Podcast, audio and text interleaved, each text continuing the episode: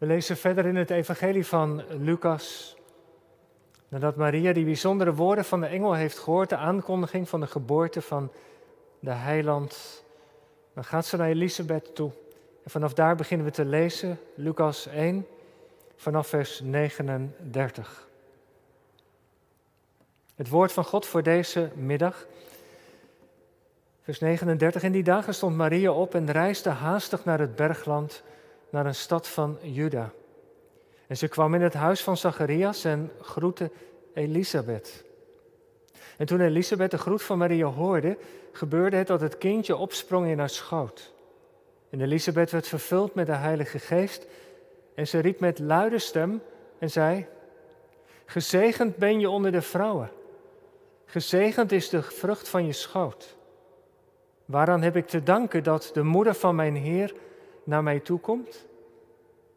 Want zie, toen het geluid van je groet in mijn oren klonk, sprong het kindje van vreugde op in mijn schoot. Zalig is zij die geloofd heeft, wat daar van de kant van de Heere gezegd is, dat zal volbracht worden. En toen zei Maria, mijn ziel maakt de Heere groot, mijn geest verheugt zich in God mijn zaligmaker, omdat hij heeft omgezien naar de nederige staat van zijn dienares. Want zie, van nu af aan zullen alle geslachten mij zalig spreken, want hij die machtig is, heeft grote dingen aan mij gedaan. Heilig is zijn naam. En zijn barmhartigheid is van geslacht tot geslacht over hen die hem vrezen. Hij heeft een krachtig werk gedaan door zijn arm. Hij heeft hen die hoogmoedig zijn in de gedachten van hun hart uiteengedreven. Hij heeft machtigen van de troon gestoten en nederigen heeft hij verhoogd. Hongerigen heeft hij met goede gaven verzadigd, rijken heeft hij met lege handen weggezonden. Hij heeft het opgenomen voor Israël zijn knecht door aan zijn barmhartigheid te denken.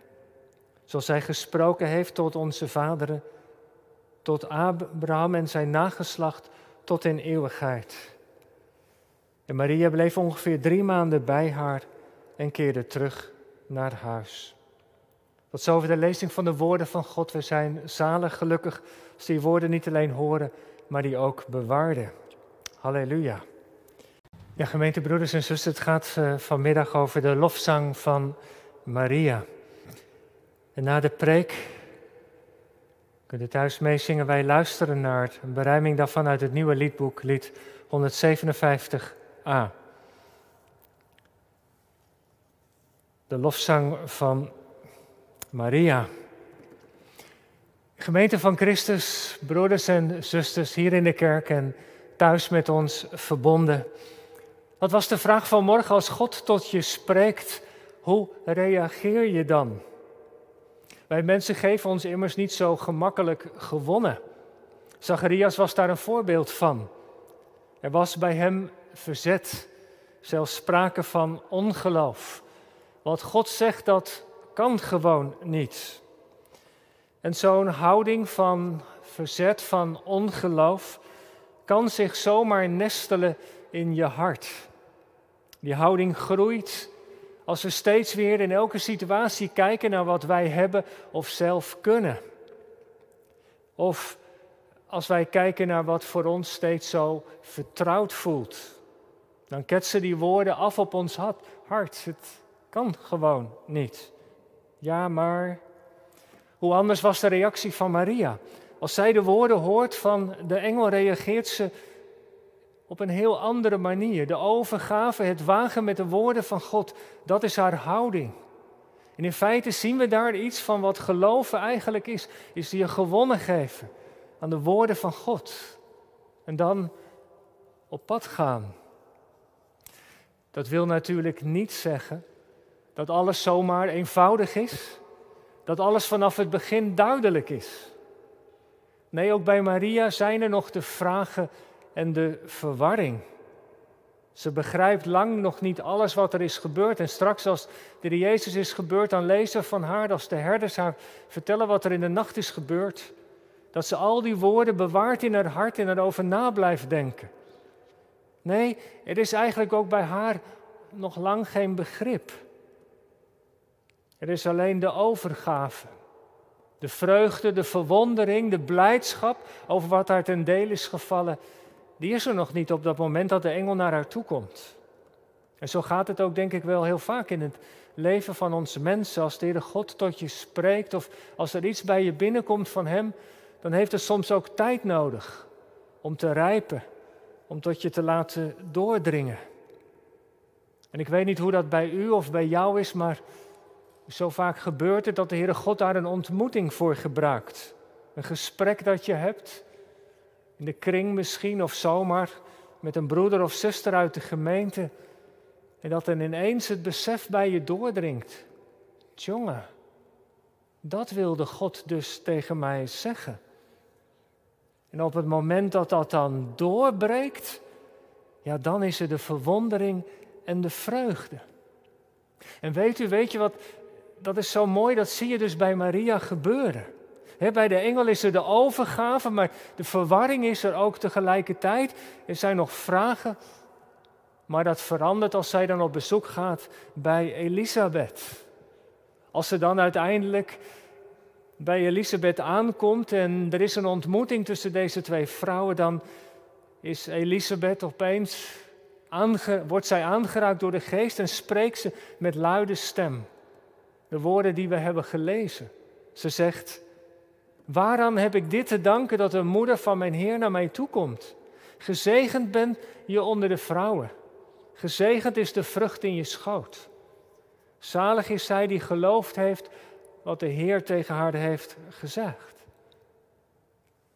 En als Elisabeth die woorden spreekt, dan begint Maria's hart te veranderen. Het zijn die woorden die binnenkomen bij haar. Het is alsof Elisabeth haar de bevestiging geeft van de woorden van God. En ze barst uit in een loflied. Mijn ziel maakt groot de Heere. Mijn geest verheugt zich in, mijn, in God mijn redder. Was er bij de engel de overgave? In de ontmoeting met Elisabeth komt de vreugde en breekt de verwondering door. Wie ben ik dat God mij dit gaat geven? En ik dacht, broeders en zusters, dat is iets om te onthouden. Maria komt tot het inzicht en zo ook tot haar loflied door de woorden die Elisabeth tot haar spreekt. Door de geest geïnspireerde woorden.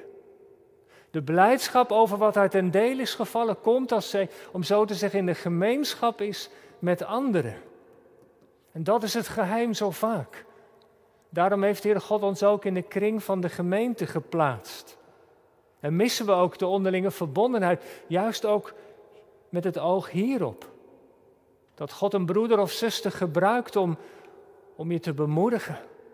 Om iets te laten oplichten van zijn plan met je leven. En ik weet niet hoe dat bij u of bij jou is, maar zo vaak gebeurt het dat je in een gesprek met anderen dieper inzicht krijgt. Het is alsof dan zomaar weer een puzzelstukje, het ontbrekende puzzelstukje op zijn plaats valt. In de gemeenschap met anderen. Die bevestiging krijg je niet als je op je eentje blijft geloven. Nee, God heeft ons in de kring van de gemeente geplaatst juist daarom. Dat je bevestiging krijgt, dat je gestimuleerd wordt om Hem te gehoorzamen, bemoedigd, gecorrigeerd. En dat is wat God bedoelt. We zien het hier zo mooi.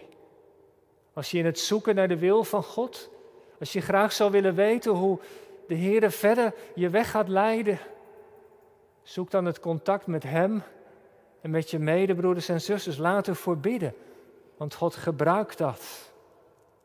Als Maria bij Elisabeth is, dan is daar dat puzzelstukje, dat valt op zijn plaats. De woorden die de geest Elisabeth ingeeft en zo komt Maria tot een dieper inzicht. En zo komt Maria tot haar loflied. Thema van de preek, het loflied van Maria, het Magnificat. Zo kennen we dit lied ook wel. De Latijnse versen Magnificat, Anima mea Dominum. Mijn ziel maakt groot de Heere. Het is een van de bekendste liederen uit de christelijke traditie. Gefluisterd in kloosters, gezongen in kathedralen, bij kaarslicht gepreveld in kleine kerkjes, op muziek gezet door vele componisten, maar natuurlijk vooral door Johann Sebastian Bach. Op een indrukwekkende manier. En de lofzang van Maria is het vaste repertoire van liederen die we in deze dagen van kerst, advent zingen. In feite is het het eerste kerstlied wat ons is overgeleverd en tegelijkertijd denk ik ook wel een van de mooiste. Want wat een prachtig lied is dit lied dat Maria spreekt, zomaar door de geest geïnspireerd. Een profetisch lied. En vanmiddag kijken we daar nog even naar. Twee dingen vallen op. Maria zegt iets over zichzelf, heel weinig. En ze zegt iets over de Heere God, heel veel. Wat zegt ze over zichzelf? Nou, ze verwijst naar haarzelf in, de, in vers 48. Ze zegt, God heeft omgezien naar de nederige staat van zijn dienares. Ze is een eenvoudig meisje uit het bergland, uit Nazareth. Een dienares. Een eenvoudig meisje dat zich overgegeven had aan de woorden van de Heere God. En tegelijkertijd iemand die zal zalig gesproken worden. Je proeft iets, het is een eenvoudig meisje door God uitgekozen. En tegelijkertijd krijgt ze een bijzondere plek in het handelen van de Heere God. Meer nog dan wij protestanten, onze katholieke broeders en zusters daar aandacht aan gegeven. Maria heeft in de katholieke traditie toch de rol gekregen van voorbidster. Het wees gegroet, het Ave Maria, bid daar ook om. Maria, moeder van God, bid voor ons. Een wees gegroetje, het Ave Maria. Zover gaan wij niet als protestanten. Want wij mogen in de naam van de Heer Jezus tot God naderen. Maar we kunnen niet ontkennen de unieke plaats die Maria heeft ingekregen in het plan van God. Een unieke plek. Moeder van de Zoon van God. Goed, geen reden om haar te vereren of haar tot een voorbidster te maken, maar ze heeft wel een hele bijzondere plek gekregen. In het bijzonder haar houding, denk ik. Een bron van inspiratie voor toekomende generaties. Hoe dan? Nou, door die eenvoud van haar geloof. Omdat ze het woord van God, dat onvoorstelbare woord, heeft ontvangen met geloof, met overgave. Ze dacht klein van zichzelf, maar groot van God. En daarin is ze een voorbeeld. Want God zoekt mensen die net als Maria zich aan Hem gewonnen geven. Hij zoekt mensen met een hart als Maria. Laat met mij gebeuren wat u wil. Wat zou dat vandaag een mooi antwoord zijn op de viering van het avondmaal? Nee, mijn leven, laat het Heer toegewijd zijn tot uw eer. Is dat niet het antwoord waar de Heer recht op heeft? Maria over zichzelf en dan het tweede, Maria over de Heere God. Daar zegt ze heel veel over. Als je dat lied doorleest, ligt het accent steeds op de daden van God. God heeft naar ons omgezien, Hij is machtig, Hij heeft hoogmoedigen van de troon gestoten, Hij heeft nederigen verhoogd. Dit lied van Maria is om zo te zeggen heel theocentrisch. Steeds weer het op wat God gaat doen. Moet je voorstellen, na zoveel eeuwen stilte is God weer in beweging gekomen. De wind van zijn genade die blaast heel krachtig. Maar zoals we weten bij een sterke wind, als je kunt zeilen of surfen, dan kun je heel ver door de wind meegenomen worden het water op. Maar ben je niet voorbereid, dan kan je boot zo omkieperen. Kun je op de rotsen vastlopen. En dat is wat Maria zegt in dit lied. Gods genade is gekomen. En als wij het nu met nederigheid ontmoeten, dan ontvang je zijn genade. Nederigen, dat zijn armen van geest, mensen met lege handen, hongerigen, die heeft hij verzadigd. Dat is wat Maria zegt. Gods genade is voor mensen met lege handen. Mensen die zich verwonderen over wat God geeft, over wie God is. Wat bent u goed, Heere God, dat u mij dat woord geeft, dat ik mag proeven van uw genade. Als je nederig bent, zegt het lied, dan zal God je oprichten. Als je hart ontvankelijk is, dan zal Hij je verzadigen. Dan zul je heel veel van ontvangen, van Hem ontvangen. Dan zul je door de wind van de geest meegenomen worden op die grote oceaan van de liefde van God. En met Zijn wind in de rug bereiken wij onze bestemming. Maar ze zegt ook, als je trots of hoogmoedig bent, als je hart voor God gesloten blijft, dan blaast die wind je omver. Dan zul je van je troon afvallen. Als je de regie in je eigen leven bij vasthouden, dan heb je met deze God dus een probleem. Dan zul je uiteengedreven worden, zegt het lied. En dat is eigenlijk wel een aangrijpend woord. Uiteenvallen. Als je hoofdpijn hebt en je pakt een glas water, je doet er een paracetamol tabletje in, dan zie je dat helemaal uiteenvallen. Dat is wat hier, hier eigenlijk staat. Dan kun je niet staande blijven. Die genade van God is zo sterk, die vraagt een ontvankelijk hart. En als je laat meenemen, dan kom je op onverwachte plaatsen. Die wind, die drijft je elke keer weer in de armen van God. Maar als je blijft verzetten, dan zul je met lege handen komen te staan. Dan zul je schipbreuk lijden, het risico lopen om verloren te gaan. Over deze dingen gaat het lied van Maria. En als je goed leest, dan zie je dat ze in de verleden tijd spreekt. Het is steeds weer het refrein. Ze vertelt feiten die als het ware al gebeurd zijn. Hij heeft, voltooid tegenwoordig uit, hij heeft, hij heeft. Het lied van Maria gaat over de toekomst. Het is een profetisch lied, maar ze schrijft het alsof het al gebeurd is. Door de geest geïnspireerd ziet Maria al iets van de toekomst oplichten, maar zo zeker als het is. Zo zal het zijn. Wat God zegt dat gaat gebeuren. Het trof me weer opnieuw. In het laatste vers, vers 55, of ene laatste vers, 55.